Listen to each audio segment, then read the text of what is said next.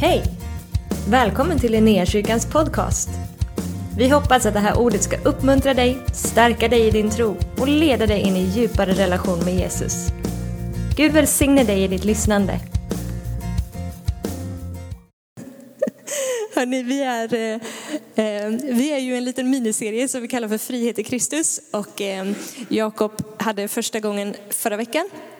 Och då pratade han lite om vad har vi blivit satta fria ifrån. Vi har sjungit det jättemånga gånger också. Jag vet inte om ni tänkte på det, att det var lite tema i, i lovsångspasset här nu innan. Någon har tänkt. Eh, men eh, när Jakob pratade förra veckan så pratade han, vad har vi blivit satta fria ifrån? Eh, satta fria ifrån mörkrets välde och insatta i sonens rike. Förda in i hans underbara ljus. Eh, och han pratade om bland annat att det innebär att vi står fria ifrån fördömelse, alltså den domen som, som skulle fallit över oss på grund av, av våran synd, den har fallit på Jesus. Så att du kan stå fri eh, och inte leva i känslan av fördömelse. Ehm, och han nämnde lite, lite intressant liksom, fenomen att ofta vi som som kristna ändå kämpar med den grejen. Liksom att jag räcker inte till, jag duger inte i mitt kristna liv och jag, det finns hela tiden någonting som jag borde göra lite mer av liksom för att räcka till. Men den där bara nitade Jakob förra veckan och sa att det där inte, den där tanken tillhör inte dig, du duger, du räcker till, du duger, du räcker till, du duger, du räcker inte till. Så den där fördömelseskräpet, det bara skickar vi tillbaka dit, dit det kom ifrån, för det, det tillhör inte dig, utan du kan nu stå fri tillsammans med Jesus. um, jag vet inte vad som händer i dig när vi pratar om det här med, med liksom, frihet i Kristus, men liksom i, i, i, min värld så är det ett begrepp som man hör ganska mycket. Eh, men det är inte alltid som man vet exakt vad det innebär. Eller hur ska jag förklara det? Vad är det jag har blivit satt fri till? Vad innebär det livet? Och när jag har suttit och liksom eh, mediterat lite över det här begreppet och liksom bibelord som rör sig kring det där den här veckan så, så är min slutsats också så här att ja, jag fattar inte heller riktigt. Det är ett mysterium. Det är, liksom inte, det är inte alltid så lätt att sätta ord eh, på det. Likväl så är det en andlig sanning. Likväl så är det någonting som, som tillhör dig, som har blivit dig givet som Guds barn. Och likväl så är det någonting som vi kan få erfara som Guds barn och som vi liksom kan få kliva ut i mer och mer tillsammans med Guds barn. Någonting som vi också längtar efter. Eller åtminstone jag. Eh, så jag tänker att vi ska försöka laborera lite kring det här. Eller laborera var kanske fel ord, men vi pratar lite om det här idag och så bara litar vi på att Gud gör sitt verk i våra hjärtan och uppenbarar för oss det som han vill uppenbara för oss. Vi kan börja och läsa ifrån Efesierbrevet kapitel 1 tänker jag. Och vi ska läsa ifrån vers 3. Välsignad är vår Herre Jesu Kristi Gud och Far som i Kristus har välsignat oss med all andlig välsignelse i himlen. Han har utvalt oss i honom före världens skapelse till att vara heliga och fläckfria inför honom. Det här gäller dig min vän. I kärlek har han förutbestämt oss dig till barnaskap hos honom genom Jesus Kristus efter sin goda viljas beslut till ära och pris för den nåd som han har skänkt oss i den älskade.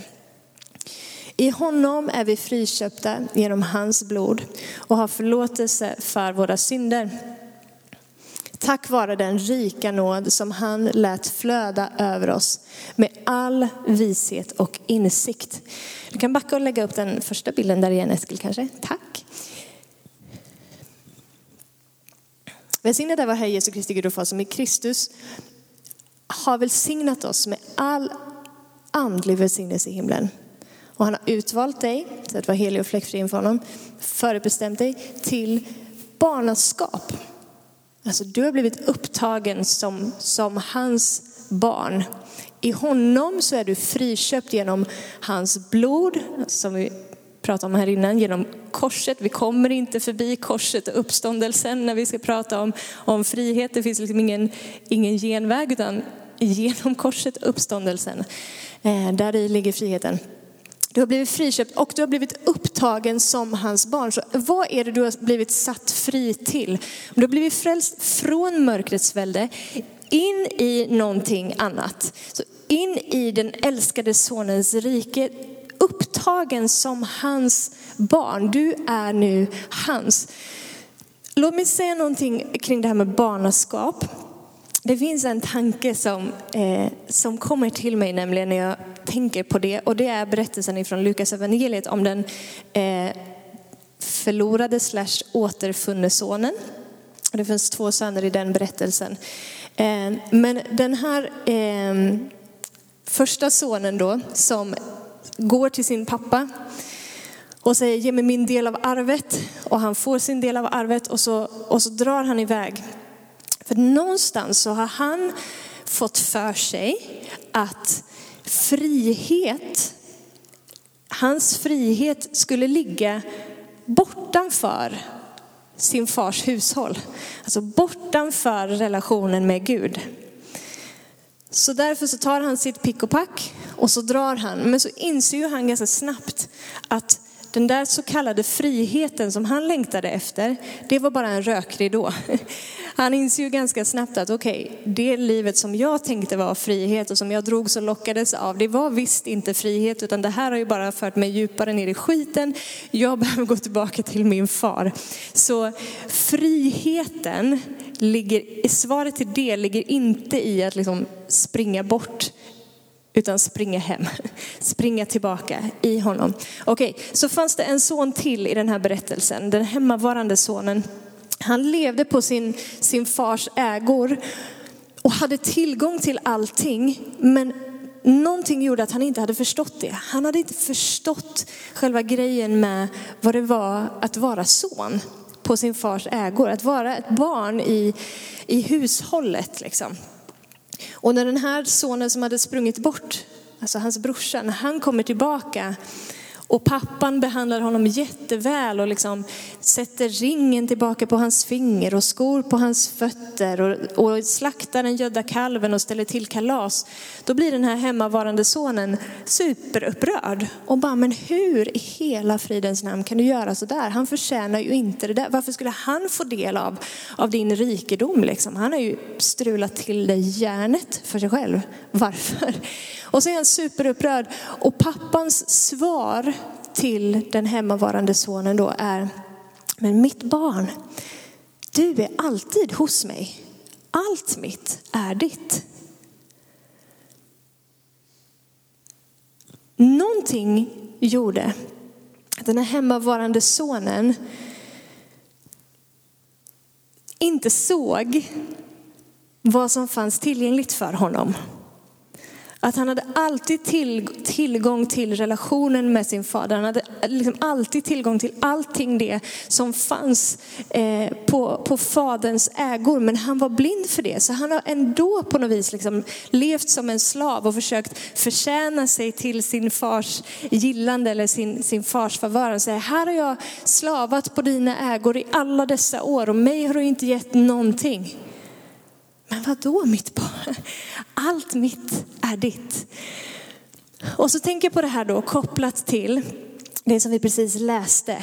Att vi har blivit bestämda, förbestämda till att tas upp hos honom som hans barn. Och han har i Kristus välsignat dig med all den himmelska världens andliga välsignelse. Alltså allt det som tillhör honom har blivit dig givet i Kristus Jesus.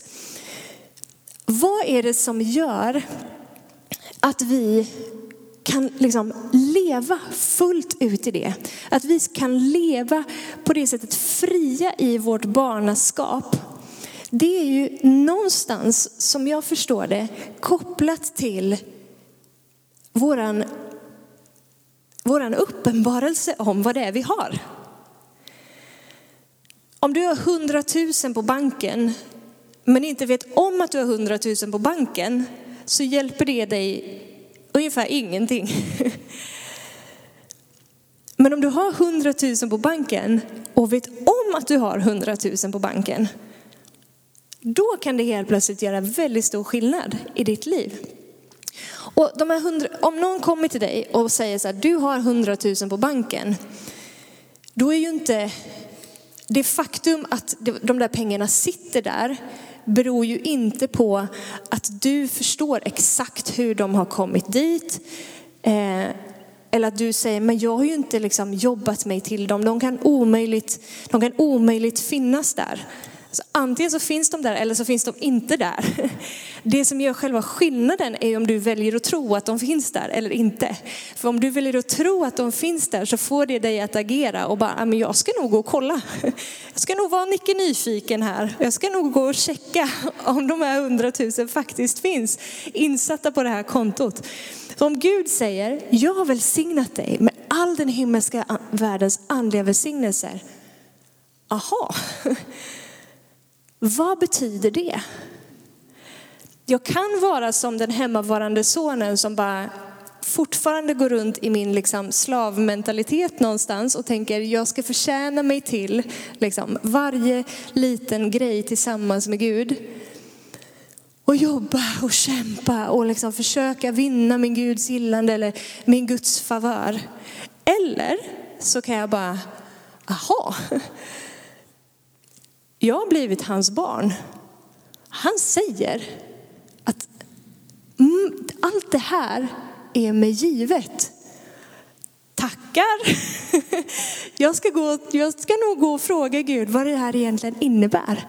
Vad är det här i mitt liv? Vad är det jag försöker säga? Någonstans platsen av barnaskap tillsammans med Gud är det en, en plats, en position där vi kan leva våra liv utifrån fullhet. Utifrån ett överflöd någonstans. För att vi vet att våran, våran far är god och han älskar att ge. Gud är inte en som liksom frånhåller i den bemärkelsen att du måste gå och liksom tjata dig till för att vinna hans gillande. Liksom. Utan han bara, jag har redan deponerat allt det här i dig. Jag har redan lagt ner allt det här i dig. Varför? Inte på grund av din prestation, men på grund av att Jesus gjorde det han gjorde, var den han var. Och för att du genom tro har tagit emot Jesus i ditt liv så har du också genom, genom tro liksom ställt dig på den platsen där Guds favör redan vilar över dig. Där allt det som fanns liksom deponerat i Jesus nu har blivit deponerat i dig. Så du lever inte ditt liv utifrån en plats av brist.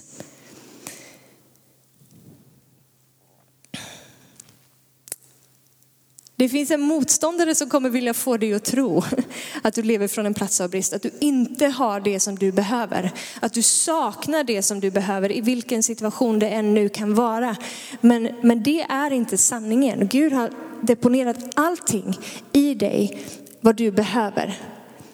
Och så säger Paulus så här när man fortsätter att läsa i det här kapitlet i Efesierbrevet ifrån eh, vers 17. Jag ber att vår Herre Jesu Kristi Gud, härlighetens far, ska ge er vishetens och uppenbarelsens ande så att ni får en rätt kunskap om honom. Kan vi lägga till flera verser Eskil? Jag kan läsa härifrån. Att ni får en rätt kunskap om honom. Jag ber att era hjärtan ska upplysas så att ni ska förstå vilket hopp han har kallat er till. Och hur rikt på härlighet hans arv är bland de heliga. Och hur oerhört stor hans makt är i oss som tror. Därför att hans väldiga kraft är verksam. Så Paulus säger först, det här är vad Gud har gjort. Han har friköpt, du har blivit friköpt genom Jesu Kristi blod. Du är, du är utvald och du är förutbestämd att tas upp som hans barn, vara helig och fläckfria. Han har välsignat dig med all den himmelska världens andliga välsignelser. Låt mig ge dig en nyckel. Gud, låt vårt hjärta upplysas så att vi ser, så att vi förstår så att vi får insikt, uppenbarelse i vad det är för någonting som vi har. Så att vi kan använda det, så att vi kan vandra i det, så att vi kan leva i det fullt ut. För sanningen är att allt det som Gud har gett dig, det finns där oavsett vi ser det eller inte. Ibland så tenderar vi liksom att, att lite så här låta vad vi tänker om Gud och vad han har gjort för oss, vi låter det åka berg och dalbana med våra känslor. Så om jag känner att det är sant, då är det sant. Och om jag inte känner att det är sant, då är det nog inte sant. Fast det där är ju liksom själisk kristendom. Det som Guds ord säger är sant, det är ju sant oavsett vad vi, vad vi tänker om det. Eller hur? Men då säger Gud också så här, att vi har inte fått den här världens ande, utan vi har fått anden som är ifrån Gud för att du ska veta vad du har fått av Gud. Så den helige ande i dig jobbar 24-7 på att föra dig in i sanningen som sätter dig, vadå? Fri. Den helige ande i dig utforskar djupen i Gud, känner djupen i Gud, vet vad som är tillgängligt för dig i Gud. Och han bor i dig för att förkunna för dig allt vad som du har. Allt vad som har blivit dig givet. Du behöver inte gå liksom upptäcktsfärd på egen hand. Den helige ande är den bästa nyfiken i oss.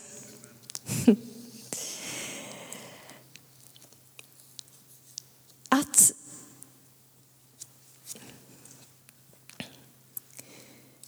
Att du har blivit upptagen som Guds barn, att du är i Kristus Jesus, innebär att du kan komma till Fadern på samma premisser som Jesus kommer till Fadern.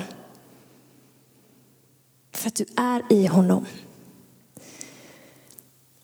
Det innebär att du har redan Faderns favör.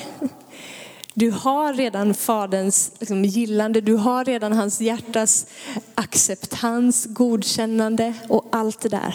Du kommer till Fadern med samma ingångsvärde som Jesus har när han kommer till Fadern. Det innebär också att du i Jesu namn liksom kan röra dig med samma typ av auktoritet, om jag får säga så, som Jesus gjorde. Samma kraft som Jesus har bor i dig. Så du kan, när du liksom talar i hans namn så verkar samma kraft, den helige ande i dig. Det betyder min vän att du är över och inte under. Eh, ska vi läsa ifrån Romarbrevet också? Romarbrevet kapitel 6.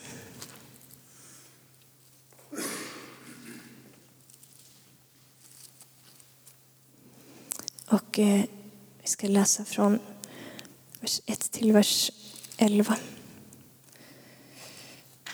Hoppla i.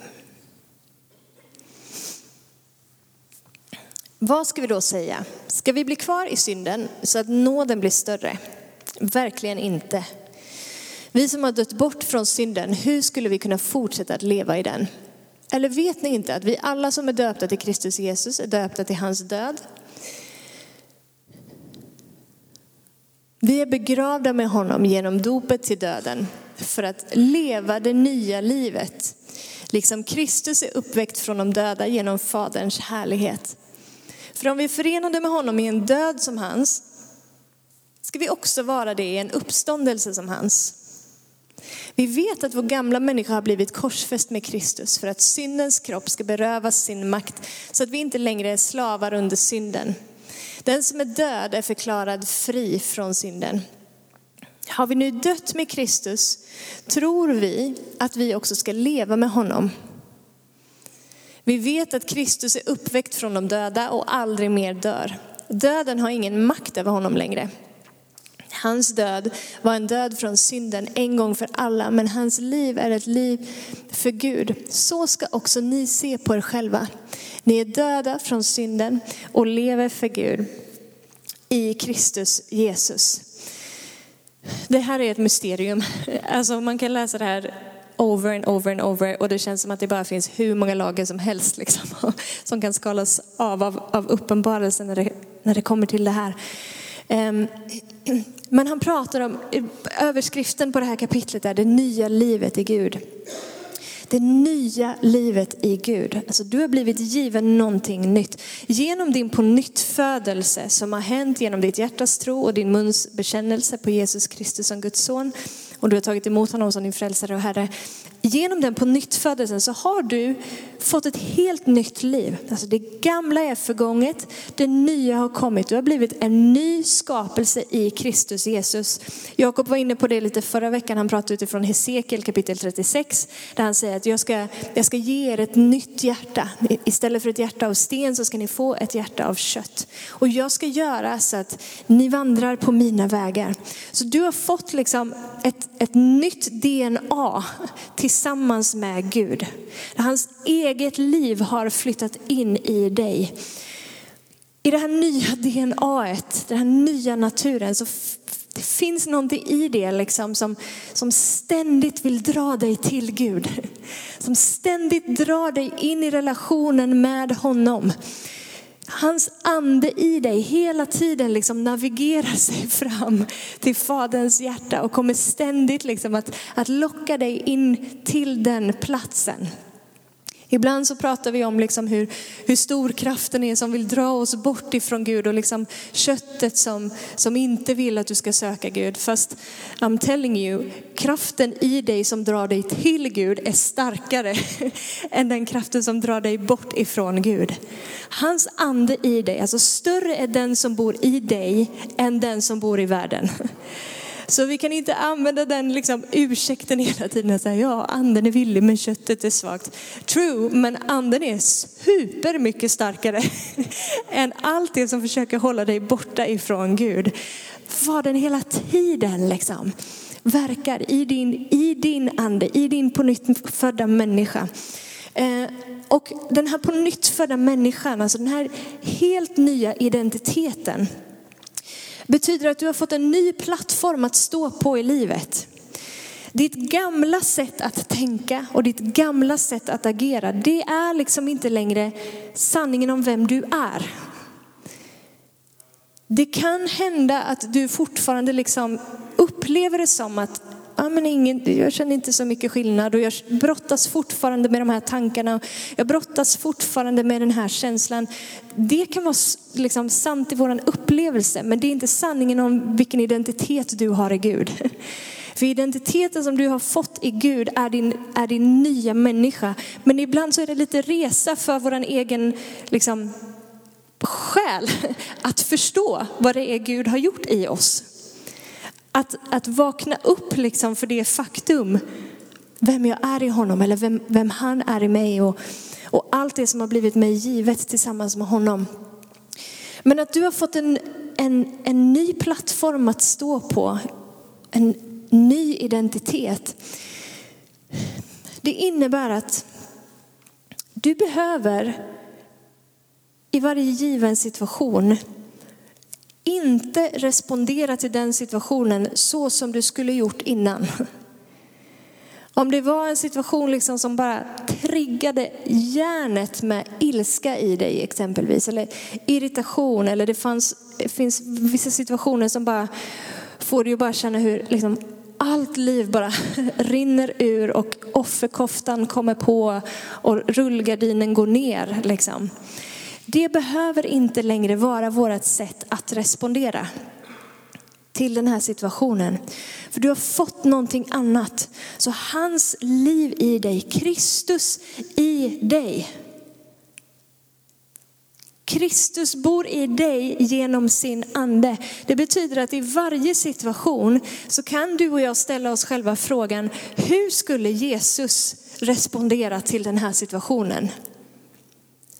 Vad är hans, utifrån hans karaktär, utifrån hans natur, vad är hans sätt att förhålla sig till den här situationen? Han drar garanterat inte ner rullgardinen. Eller tar på sig någon offerkofta. Men allt det som han är finns tillgängligt för dig. Det är liksom nåbart för det, det, det bor i dig. Så vi kan nu respondera och agera utifrån den naturen. Utifrån hans, utifrån hans natur i dig. Det betyder att vi behöver inte vara slavar under någonting. Jag vet inte vad din upplevelse är i, i livet, men jag för min del kan ibland ha områden i mitt, mitt liv där det känns som att jag är mera fången än vad jag är fri. Och det är ju liksom, för min del så handlar det ju inte om liksom en yttre fångenskap eller yttre betryck i bemärkelsen att jag liksom sitter i ett fysiskt fängelse eller att jag upplever förföljelse för min tro. Eller som, ja, det ser ju olika ut beroende på vilken kultur och samhälle vi lever i. Men för, för oss här i den här situationen så är ju fängelset i våra sinnen jag kan för min del uppleva ibland att det finns områden i mitt liv där jag känner mig mer som en slav än vad jag faktiskt känner mig fri. Men så vet jag ändå att Guds ord säger någonting annat. Jag vet att på grund av vad Jesus har gjort på korset och uppståndelsen så finns det per definition ingenting som liksom har rätten i den bemärkelsen att binda mig eller att hålla mig fången. Frihet är på Guds hjärta.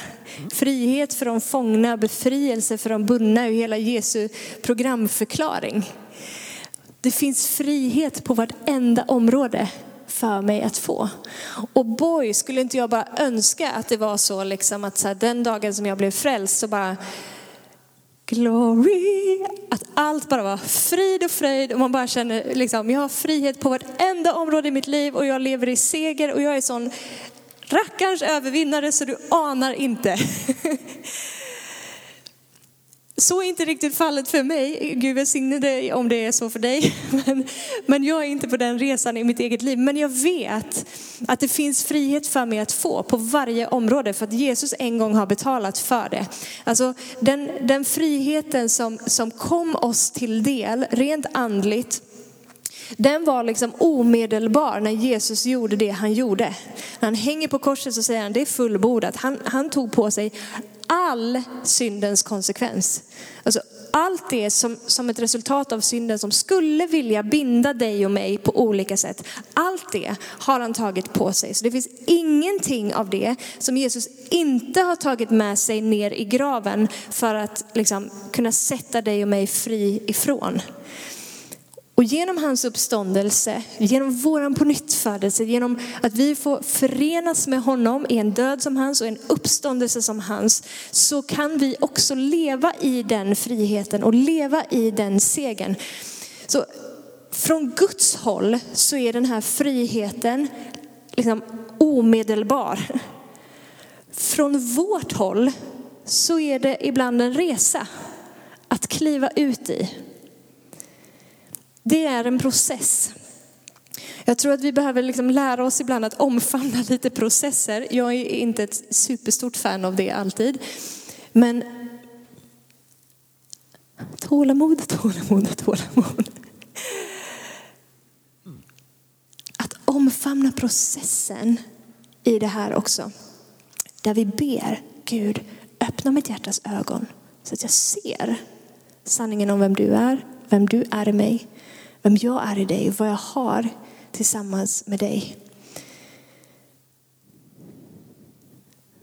Så kliver vi mer och mer ut, med våra ögon öppna så kliver vi mer och mer ut i den här sanningen, i den här friheten som han har betalat för att ge dig.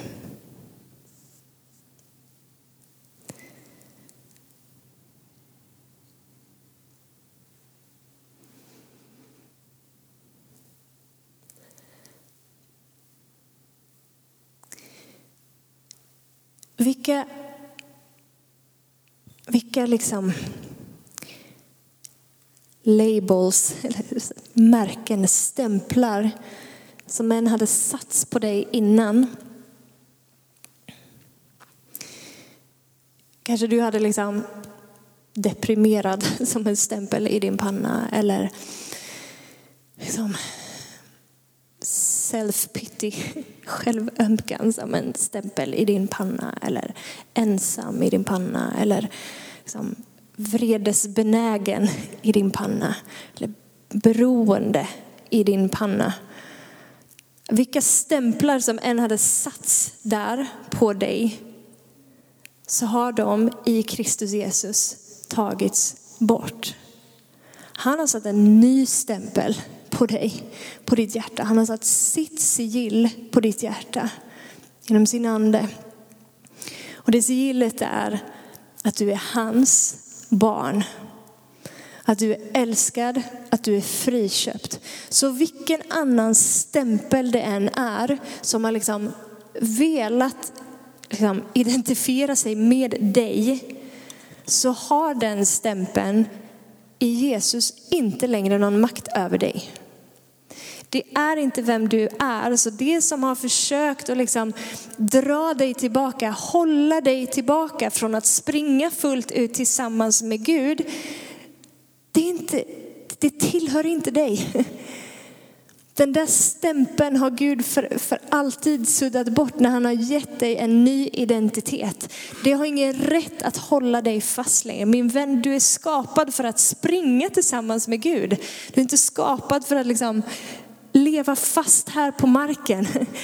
Du är skapad för att springa tillsammans med Gud fullt ut fri, att bara kliva ut i all den potential som du har tillsammans med honom, att blomma i alla dina gåvor, att blomma i din, att blomma i din kallelse, att vara så fri att du liksom inte ens behöver fundera så mycket på, på dig själv. Ibland är det den största, liksom mitt största tacksägelse, tack Jesus att du sätter mig fri från mig själv, ifrån mitt eget huvud. Ibland när man bara känner att man blir så självupptagen och inåtvänd i alla sina processer stressar så man vet inte vad man ska göra av sig själv till slut. Tack Jesus att du sätter mig fri från den här inåtvändheten. Jag sätter dig så fri att du liksom kan lägga all din tid och energi på att bara säga Jesus, vem kan jag älska idag? Du blev ju fri till att tjäna andra.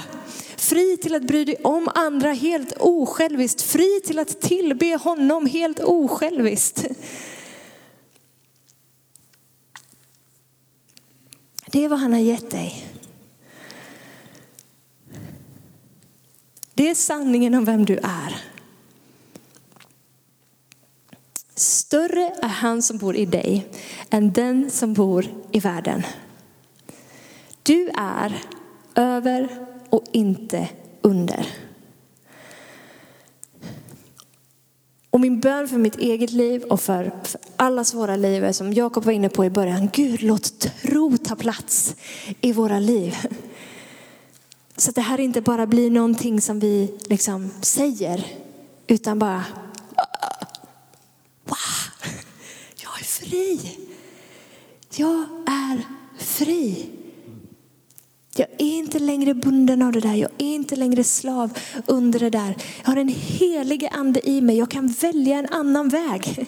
Jag kan välja en högre väg. Jag kan välja att ta emot Guds ord som min sanning i mitt liv istället för att böja mig under vad det nu än är annat som vill liksom locka mig in.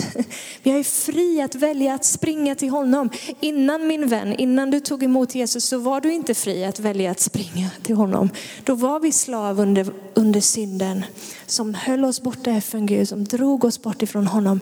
Men nu är du fri att springa till honom och som hans barn så är du också fri att veta att du har hans favör redan.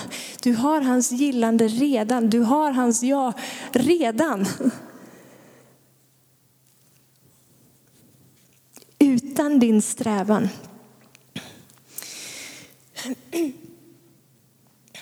Precis som att Gud har en plan för vår frihet och han har redan fixat den en gång för alla och fortsätter att liksom verka ut den i våra, liv. Så finns det motståndare som har en plan för vår icke-frihet. Som försöker att liksom eh, binda oss på olika sätt. Vad är en sån sak som kan, som kan binda oss?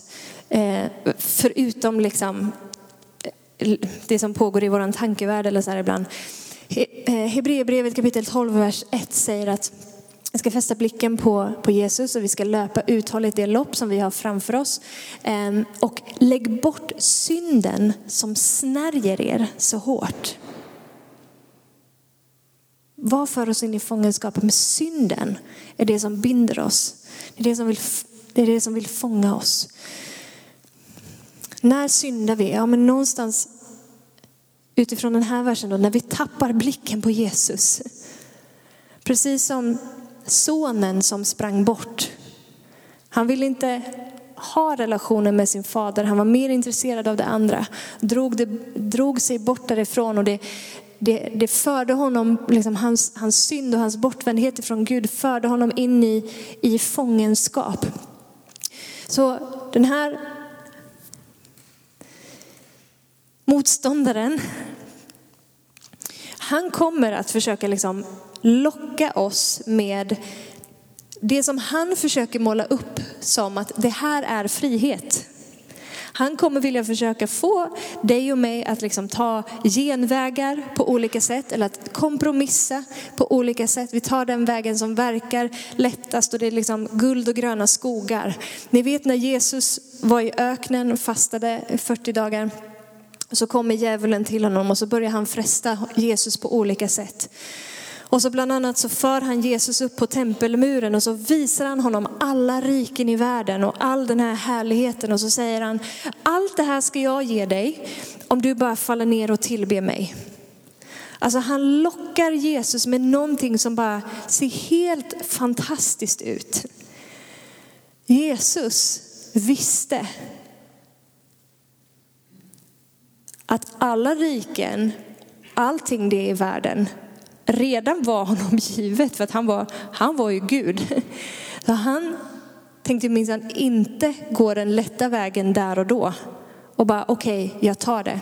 Han visste att jag ska vinna det här fast på ett annat sätt. Jag behöver gå den smala vägen, den, den svåra vägen, den, den lite jobbiga vägen för att vinna det här. Likadant är det för oss.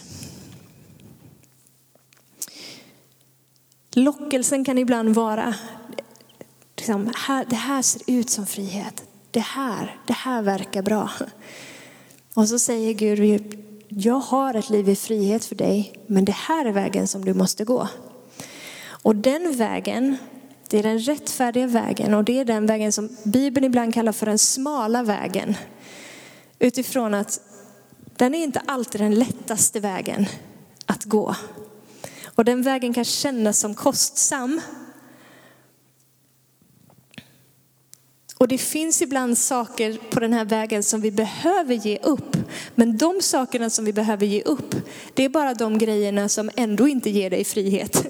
Och som ändå inte kan ge dig liv. För Jesus är mån om din och min frihet. Så allting som han ser konkurrerar med den friheten, säger han, släpp taget om det där.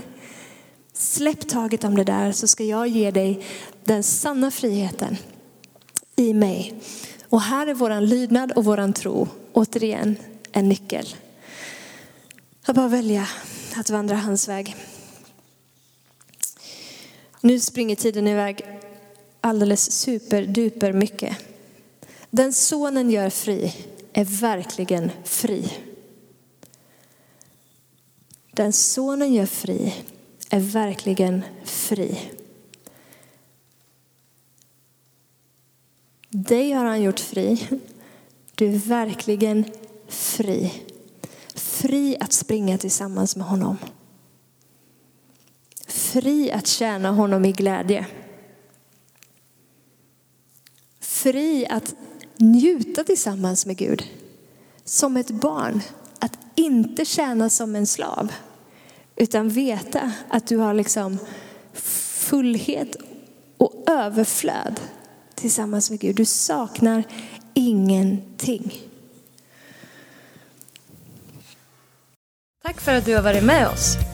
Hoppas du känner dig inspirerad av Guds ord och har fått nya perspektiv.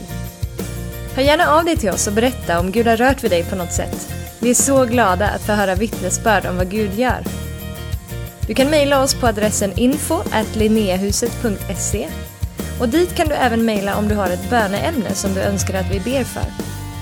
Eller om du har tagit emot Jesus och inte har någon bibel så vill vi mer än gärna skicka en bibel till dig. Skicka ett mejl med ditt namn och dina adressuppgifter till info så ser vi till att du får en. Om du vill ge en gåva till Linnéakyrkans arbete för att nå fler människor med evangelium så kan du swisha till 123 520 0993. Du kan också besöka oss på linneakyrkan.se för att få mer information. Välkommen tillbaka att lyssna snart igen.